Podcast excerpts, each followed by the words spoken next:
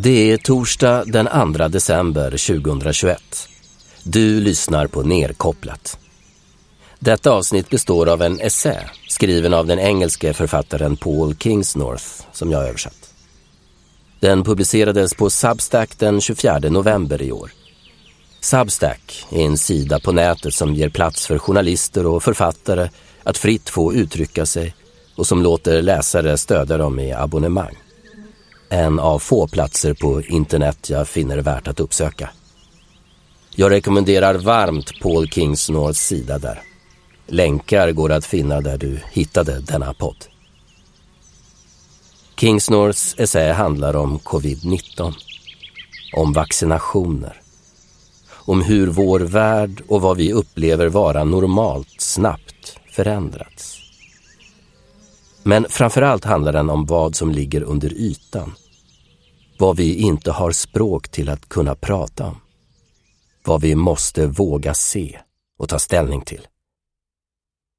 Jag har valt att läsa in den här texten för att jag hoppas att den också ska tilltala den stora majoritet som inte ser några faror med vaccinpass och som inte har vare sig tid, lust eller kraft att ifrågasätta det som sker. De som bara vill vara vanliga, normala. Kingsnorth polariserar nämligen inte. Han försöker förstå och tolka varför det har blivit så här. Få båda sidor i detta kulturkrig att förstå varandra.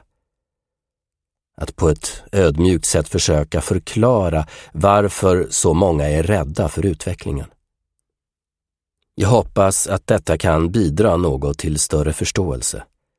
Så dela gärna programmet utanför era filterbubblor. Blir du kallad antivaxer eller konspirationsteoretiker gör det ingenting. Det är bara laddningar av ord som skapats för att hålla igång motsättningar som inte leder någon vart. Det är ond magi. Vi är bättre än så.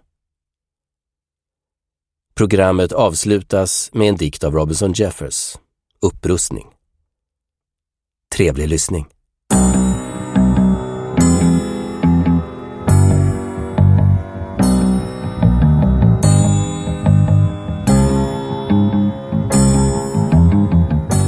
Vaccininsikten Del 1 Uppenbarelsen Kanske är det för att jag är engelsman. Eller kanske är det min ålder. Eller mina fördomar. Men när jag vaknade till nyheten att den österrikiska statsmakten har spärrat in en tredjedel av sin befolkning för att de är en fara för folkhälsan, så gick det kalla kårar efter ryggen. Oj, tänkte jag. Österrike. Jag tittade på bilderna av beväpnade svartklädda poliser med masker som stoppar människor på gatorna och frågar om deras digitala legitimationshandlingar. Och jag läste om andra som blivit arresterade för att de lämnat sin egen bostad mer än den enda gång på dagen de var tillåtna att göra det och jag hörde österrikiska politiker mässa om att de som inte låter sig injiceras ska hållas på avstånd och kritiseras tills de fogar sig. Sen tittade jag på intervjuer med vanliga människor på gatan som tyckte att de ovaccinerade får skylla sig själva. Några ansåg att dessa folkets fiender borde sättas i fängelse. I bästa fall var de där antivaxarna bara paranoida och utsatta för vilseledande information. I värsta fall var de onda och borde straffas. Några dagar senare kom fler nyheter från Österrike. Från och med nästa år kommer staten påtvinga alla människor att vara covidvaccinerade. Ett gravt åsidosättande av den rättighet många människor som blivit väldigt tysta nu, brukade hänvisa till som rätten att bestämma över sin egen kropp. Även på andra sidan gränsen Österrike, i Tyskland, funderar politiker på att internera vaccinskeptiker. Även där har de nyligen enats om att tvinga alla medborgare att ta vaccinet.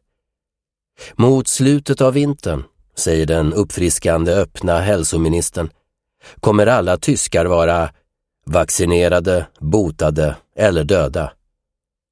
Något fjärde alternativ verkar inte finnas. I Tyskland har de varit flitiga. Nyligen satte de upp stängsel i vissa städer för att skilja dåliga ovaccinerade från goda vaccinerade under julmarknaden, utomhus. Kanske de också kan erbjuda stenar till de goda som de kan kasta över staketen på de onda. I en skämteckning i en stor tysk tidning visas en man som sitter i tv-soffan och spelar ett First Person Shooter-dataspel där han skrattande skjuter ner ovaccinerade människor. Årets julklapp, skriver satirtecknaren under bilden. Ha ha ha, vad roligt, tänker jag. Tyskland. Stängsel. Interneringar. Påtvingade injektioner. Beväpnad polis. Skanna koden. Döda de ovaccinerade. Ha ha ha. Allt det här observerar jag från mitt hem på Irland. Det land som har den högsta vaccinationstäckningen i Västeuropa med över 94 procent av befolkningen vaccinerade. På samma gång upplever vi här, märkligt nog, också en av de högsta spridningarna av covidinfektioner i Västeuropa. Våra ledare har inte kunnat förklara hur det kan komma sig, men det är en trend som sätts även på andra platser med hög vaccinationsandel av befolkningen. Gibraltar, Israel, västra Flandern. Höga vaccinationstal verkar inte korrespondera med låga infektionstal. Ofta verkar rent av motsatsen gälla. Även på andra platser på jorden händer det konstiga saker. I Afrika till exempel. Afrikas befolkning är den största, snabbast växande och fattigaste jämfört med andra kontinenter. Få stater där har råd att tillgodose deras invånare med de dyra vaccin läkemedelsbolagen producerar och som länderna i väst lutar sig mot. Bara 6 procent av befolkningen i Afrika är vaccinerade och många nationer har inget fungerande nationellt sjukvårdssystem. Ändå beskriver WHO Afrika som en av de minst drabbade regionerna i världen av viruset. Faktum är att det verkar vara i de rikaste och mest utvecklade delarna av jorden pandemin drabbat hårdast. Ingen verkar kunna förklara det här och det har inte heller förändrat de officiella handlingsplanerna. Irland är inget undantag. I sex månader har vi levt med vaccinapartheid, där de ovaccinerade stängts av från stora delar av samhället. Men det har inte fungerat. Nu när vintern närmar sig börjar infektionstalen skjuta i höjden. Vilket inte är konstigt med ett virus som slår mot luftvägarna. Nyligen fick vi höra att vi bör arbeta hemifrån och att en ny lockdown diskuteras. Ett utegångsförbud till midnatt på pubbar och nattklubbar har införts, vilket är underligt eftersom det i flera månader bara är vaccinerade som haft tillträde till dessa lokaler och att vi ideligen har försäkrats om att det inte ska vara någon fara att vara nära andra vaccinerade människor. I ett öppet samhälle skulle allt detta diskuteras i omfattande offentliga debatter. Vi skulle se forskare med olika uppfattningar lägga fram sina argument i tv, radio och tidningar. Sociala medier skulle surra av olika åsikter. Journalister skulle skärskåda både fördelarna och nackdelarna med vaccinen. Det skulle finnas en öppenhet för alternativa behandlingar. Det skulle finnas en offentlig diskussion om balansen mellan folkhälsa kontra frihetliga rättigheter. Och vi skulle debattera hur vi egentligen ska definiera folkhälsa. Men det kommer inte att hända. För debatter, liksom att uttrycka skilda meningar, är inte längre önskvärt. Googles algoritmer jobbar hårt för att dölja obekväma data. Medan social media-kanalerna, från vilka de flesta formar sin världsbild, tar bort eller tränger undan kritiska åsikter. Även om det är virologer eller redaktörer på British Medical Journal som uttrycker dem. Vad är det som pågår? Interneringar, tvångsmedicinering, stora delar av befolkningen uppdelade från varandra, massuppsägningar, en enig massmedia som systematiskt avfärdar avvikande åsikter, en medveten uppbyggnad inom stat och media att tillsammans skapa ett klimat av rädsla och misstänksamhet. Vad skulle kunna rättfärdiga det? Kanske en kombination av en fruktansvärd dödlig pandemi som dödar och skadar en stor del av de som blir infekterade och tillgången till en säker och pålitlig medicin som bevisligen hindrar smittan från att spridas. Det är det vi får höra att vi upplever just nu. Det är narrativet. Men det blir allt tydligare att narrativet inte stämmer. Covid-19 är en svår sjukdom som måste tas på allvar, särskilt för de mer sårbara i samhället. Men det är långt ifrån så farligt, om nu något kan vara det, att det berättigar till att skapa en global polisstat. Och vad det gäller vaccinen, ja, vi får nog erkänna att det idag har blivit ett ämne som det inte går att på ett lugnt, värdigt och klargörande sätt diskutera. Åtminstone inte offentligt. Som de flesta stora frågor idag i västerlandet är åsikterna inmutade efter vilket läger du tillhör och filtreras genom det träsk som utgör antisociala medier för att monsterlika träda fram i ljuset. Ofta är det så i en konflikt att vad människor tror att de argumenterar över inte är den riktiga anledningen till deras meningsskiljaktigheter. Den ligger djupare och nämns för det mesta inte, om de ens känner till dess existens. Så är det nu. Motsättningarna i samhället gällande covid-vaccineringar handlar egentligen inte om vaccineringar. Det handlar om vad covid-vaccinationer idag symboliserar. Vad det betyder att vara vaccinerad eller inte. Ofarlig eller farlig. Ren eller smutsig. Ansvarstagande eller ansvarslös. Eftergiven eller självständig. Det handlar om vad det innebär att vara en god samhällsmedborgare och vad samhället egentligen är. Det är de här frågorna som likt sjunkbomber detonerar under den kultiverade ytan. Med det vill jag inte säga att motsättningar på ytan inte spelar någon roll. Det gör de. Det finns många anledningar till att vara uppmärksamma på dessa mediciner och hur bruket av dem drivits igenom. Här har vi en ny teknologi som aldrig tillämpats i större skala eller i ett syfte som detta. Som har använts till att tillverka en serie vaccin som har levererats till miljontals människor innan de kliniska försöken var färdiga. Detta har aldrig tidigare hänt. Inte heller att starta en vaccinering mitt i en pandemi av ett luftburet virus vilket vissa experter hävdar snarare förvärrar situationen än gör den bättre. Företagen som tillverkar vaccinen får högre vinst än någonsin och deras långa ohederliga historia av mörkläggningar plus att de står juridiskt skyddade från allt ansvar över problem som skulle kunna uppstå med vaccinen gör det omöjligt att ta deras ord om vaccinernas säkerhet på allvar.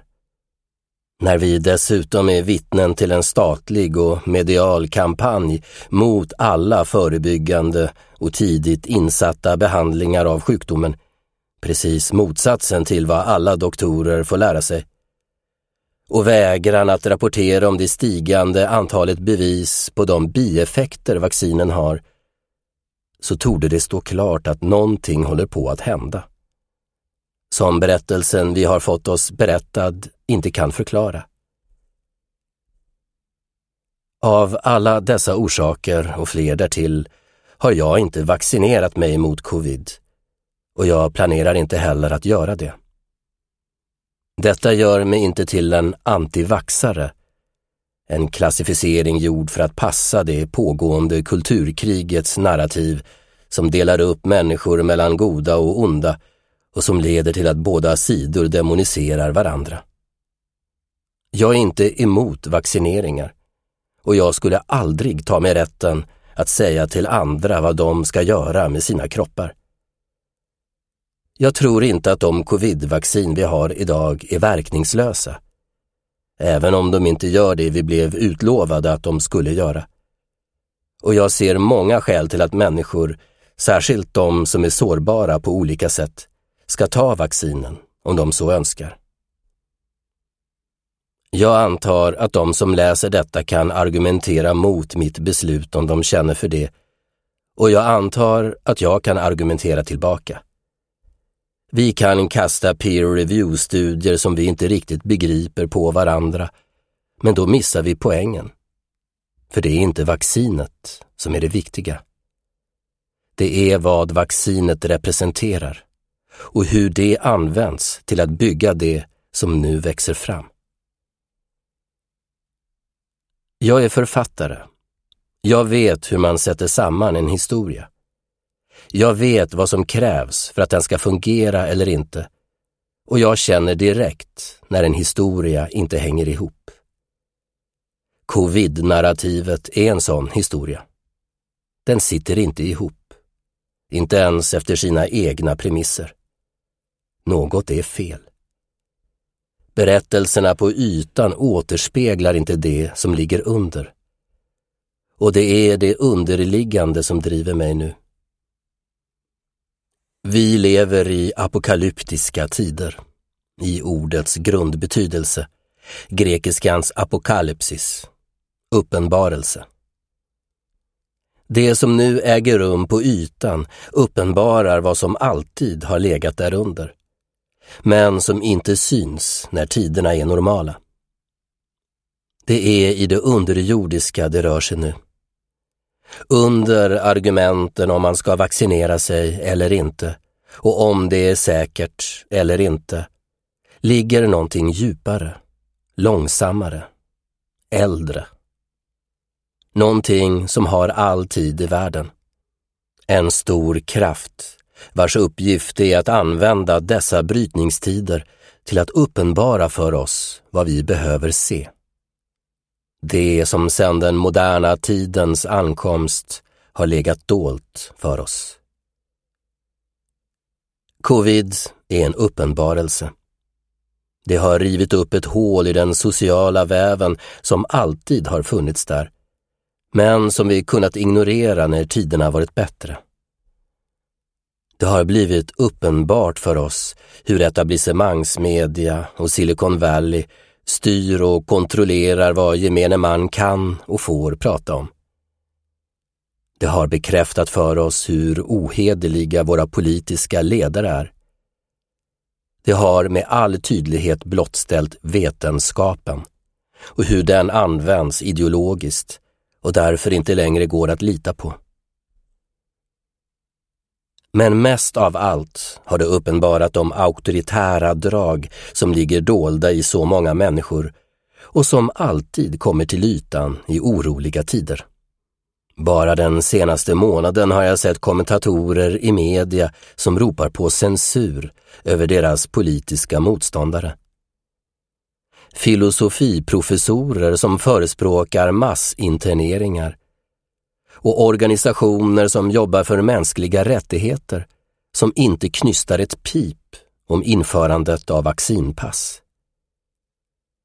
Jag har sett hur stora delar av den politiska vänstern öppet förvandlats till den auktoritära rörelse den förmodligen alltid har varit. Jag har sett oräkneliga liberaler som börjat kampanja mot frihet. Efter varje frihet som tas ifrån oss dyker en ny intellektuell fram som ger oss anledningar varför. Jag har blivit påmind om vad jag egentligen alltid har vetat. Klokskap har ingenting med visdom att göra. Jag har under de här senaste två åren lärt mig mer om den mänskliga naturen än någonsin under mina tidigare 47. Jag har också upptäckt saker hos mig själv jag inte tycker om. Om hur lätt jag har för att tänka partiskt. Att döma och fördöma dem som inte tänker som jag. De där fåren som inte fattar att de är lurade. Hur lätt också jag har att först och främst leta efter den information som bekräftar vad jag redan tror på. Uppenbarelser är aldrig lätta att ha att göra med. Men vad covid-apokalypsen framförallt uppenbarat för mig är att när människor är rädda är det lätt att kontrollera dem. Det är vår tids stora berättelse. Kontroll. Över hela världen märker vi av en aldrig tidigare skådad strävan från mäktiga stater och kapitalstarka företag att ha kontroll över ditt och mitt liv. Allt strålar samman och uppenbaras i vår tids definitiva symbol, QR-koden, som på våra skärmar med skrämmande hastighet och nästan utan att göra något väsen av sig blivit det pass vi måste äga för att kunna leva ett fullt människoliv. Återigen har människan blivit offer för dess verktyg. Ännu en uppenbarelse. De var aldrig våra verktyg från början. Vi var deras. Bland alla de omstridda fakta som driver omkring oss likt en slöja av virvlande starar i flock som förmörkar himlen och kollrar bort våra sinnen är det ett som står ut. Ett enda fakta som slår ett gigantiskt hål i de strategier som idag saluförs. Genom det ser vi förnekelsens kärnpunkt. Det är det faktum att dessa vaccin, hur väl de än fungerar på alla möjliga andra vis, inte hindrar smittan från att spridas vidare. Detta enda faktum, som länge varit känt men som det inte talas högt om, tar död på alla bevekelsegrunder för vaccinpass, åtskillnad, lockdowns av ovaccinerade och liknande åtgärder. Även om du tror, eller låtsas tro, att detta virus är så farligt att det ger skäl till dessa genomgripande former av auktoritära åtgärder och det gör sannerligen inte jag, kommer dessa i alla fall att misslyckas. Om både vaccinerade och ovaccinerade kan sprida smittan. Vilket vi vet att de gör. Vad är det då som berättigar att införa det teknologiska kontroll och övervakningssystem som så smidigt och lätt inrättats det senaste året? Och hur kan vi förklara att det märkliga språkbruk världens regeringar använder för att förklara och rättfärdiga detta system liknar varandra så mycket? Och att systemen införts på liknande sätt med likartade tekniker under liknande tidsramar? De skäl som åberopas är att ovaccinerade är en fara för samhället och att vaccinerade måste skyddas från dem. Men som vi ser hända på Irland står dessa skäl helt utan grund. Om vi skulle leva förnuftigt, vilket vi intalar oss att vi gör, och om vi verkligen skulle följa vetenskapen, så skulle vi avveckla dessa åtgärder på en gång. Istället så dras vi allt djupare in i dem. Vi blir ledsagade mot en framtid där det är normalt att bli skannad med en kod för att visa att du är en ofarlig och lydig samhällsmedborgare. Inte konstigare än att visa sitt kredit eller körkort. Vi går mot tvångsvaccineringar av hela befolkningar, inklusive barn, och fängelsestraff för de som vägrar. Vid denna vinters slut kan vi leva i en värld där staten har tagit full kontroll över våra kroppar. Och enda möjligheten att fortsätta vara en aktiv medborgare i samhället är att följa varje instruktion du får och godta en överallt och hela tiden digital övervakningsapparat för att visa att du samtycker. För ett och ett halvt år sedan skulle den som påstod att det var det här som skulle hända när viruset kom till stan blivit avfärdad som en paranoid foliehatt. Ett David Icke-fan. Men under denna tid har vi gått från två veckor för att plana ut kurvan till obligatoriska vaccineringar för att inte åka i fängelse. Vi har normaliserat det och accepterat det. Vi har inte ställt några frågor. De som har avvikit har censurerats, blivit förlöjligade och förnedrade. Medan jag skriver nås jag av nyheter från Australien som ställer det som händer i Österrike och Tyskland i skuggan. I helgen började australiska armén skicka covid-infekterade människor till statskontrollerade läger. Delar av Nordterritoriet i Australien har slagit in på en hård lockdown där ingen får lämna sina hem av någon annan anledning än i akuta nödfall. De som har fått viruset eller varit i kontakt med någon som har fått det kommer nu att tvångsförflyttas av militärer till ett av staten upprätthållna läger, där de kommer att hållas kvar tills delstaten säger att de är ofarliga nog att släppas fria. Dessa obligatoriska karantänövervakningsfaciliteter har under det senaste året använts som karantän för de som rest in i landet. Nu används de för australiska medborgare. Och fler håller på att byggas för framtida bruk. I ett klipp på nätet visas en australisk politiker som med dundrande stämma fördömer de ovaccinerade och låter alla förstå vad han skulle vilja göra med dem. Om du tittar på det och inte känner oro för vad som håller på att hända vet jag inte vad som skulle få dig att känna det. Föraningen jag känner om vad som är på väg att hända djupnar för varje dag. Jag är långt ifrån ensam om att se vad som håller på att hända där nere. Narrativet hänger inte ihop. Berättelsen är en mischmasch, men den fungerar i alla fall. Den vallar ihop oss i en stor flock och rättfärdigar grundandet av en auktoritär teknokrati mänskligheten aldrig tidigare upplevt. Utan vårt medgivande, utan någon debatt och utan att ge oss rätten att avvika. Efter dessa två korta men intensiva år är det det här som har blivit av oss. Vi i väst som under decennier, om inte sekel, har läxat upp övriga världen med begrepp som frihet och liberalism.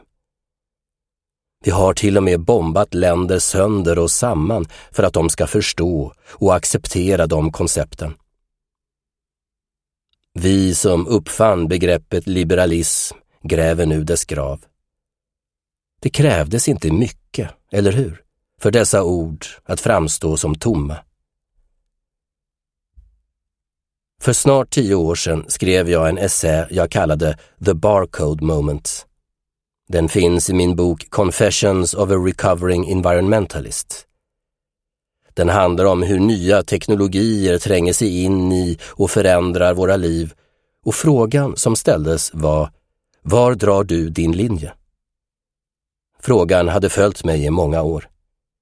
Vid vilken tidpunkt går det inte att blunda längre för vart maskinsamhället tar oss? När har det blivit så obehagligt och skrämmande att du inte längre finner dig i det?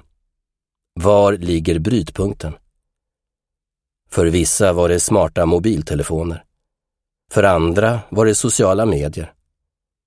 I dessa dagar tänker jag att de som var riktigt smarta, de hoppade av karusellen redan när de uppringda modemen lanserades och tyst och försiktigt flydde till skogs. Jämfört med den här essän var den lätt att skriva. För tio år sedan förfasades jag över Google Glass, Google-glasögonen. Googles nya teknologi som i efterhand framstår som ett tidigt försök att hitta en modell för ett metaverse, ett metaversum. Och jag skrev om vart det kunde föra oss. Det visade sig vara åtskilligt enklare att skriva om teknologisk kontroll i en nära framtid än det är att skriva om hur den har oss i sitt grepp i detta nu. För det är vad som har hänt. Under det senaste halvåret har jag skrivit om utvecklingen av det omspännande nät av teknologisk kontroll jag kallar maskinen.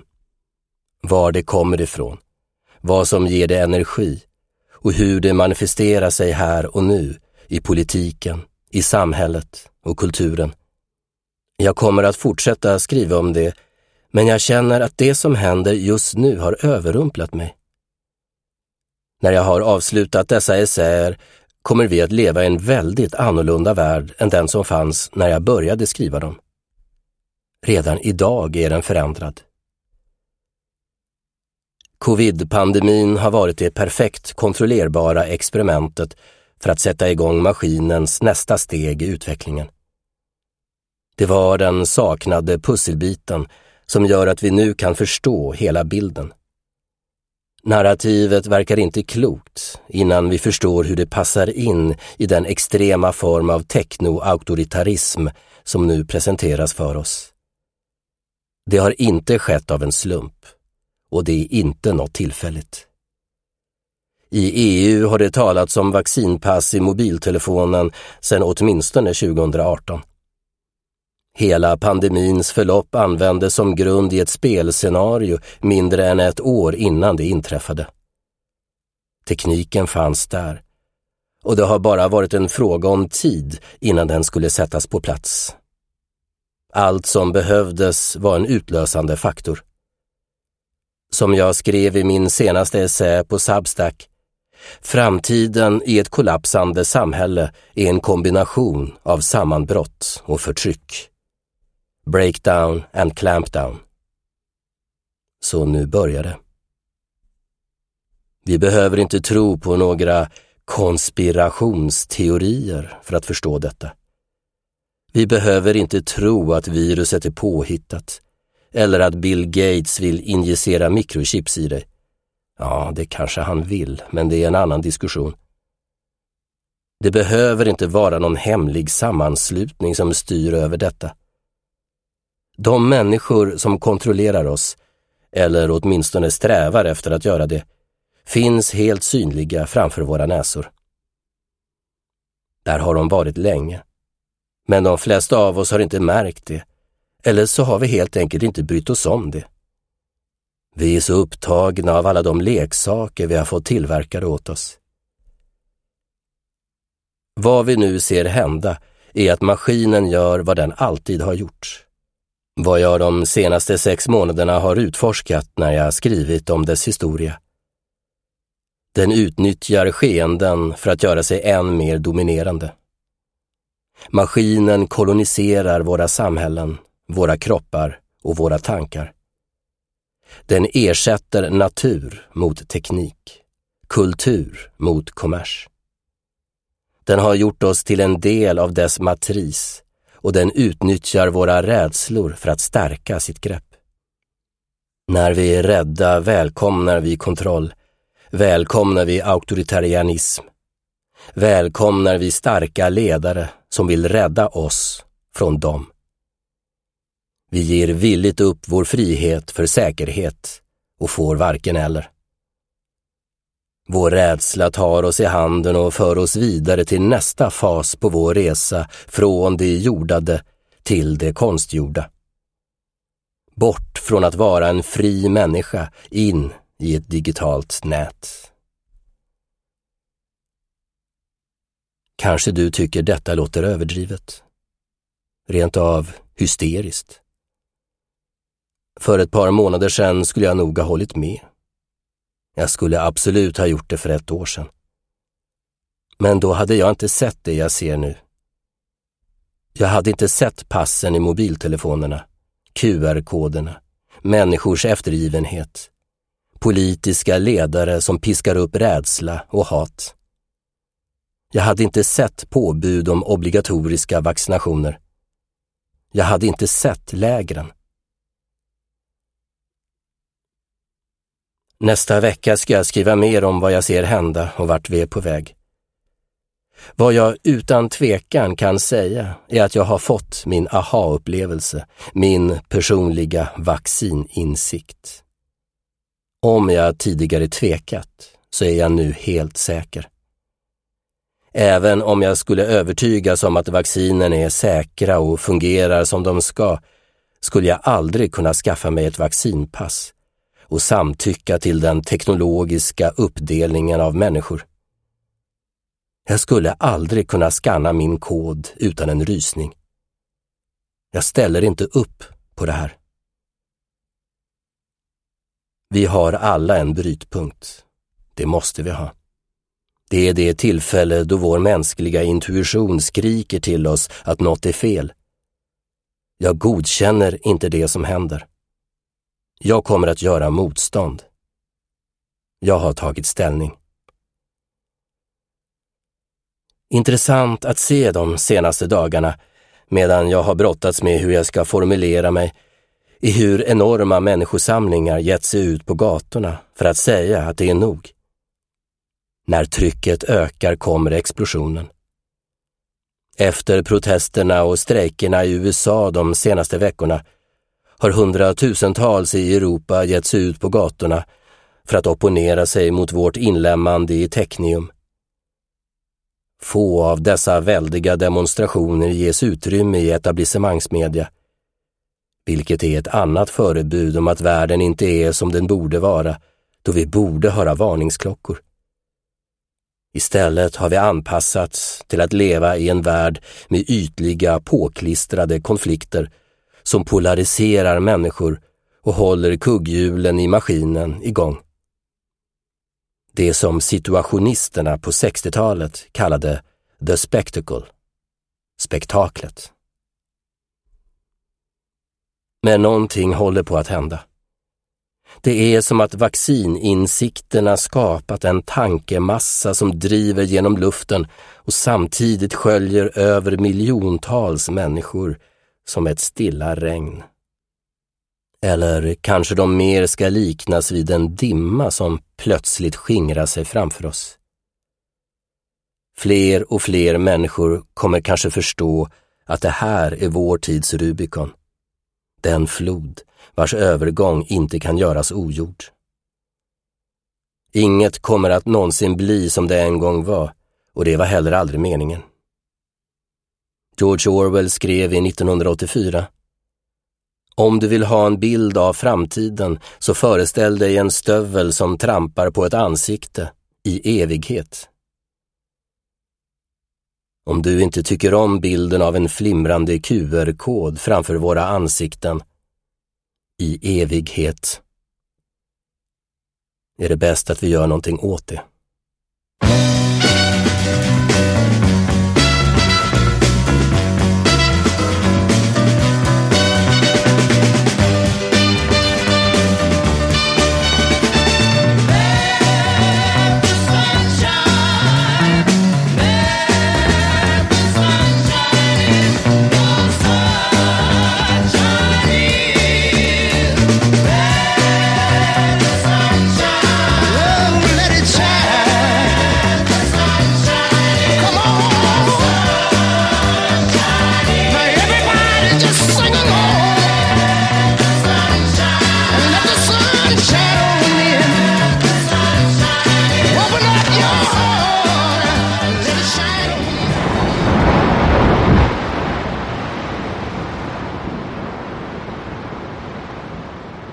Dessa enastående dödsbringande rörelser, massans storslagenhet, hånar allt medlidande sönderslitande medlidande för massans minsta atomer, personerna, offren är det vidunderligt beundra den tragiska skönhet de formar.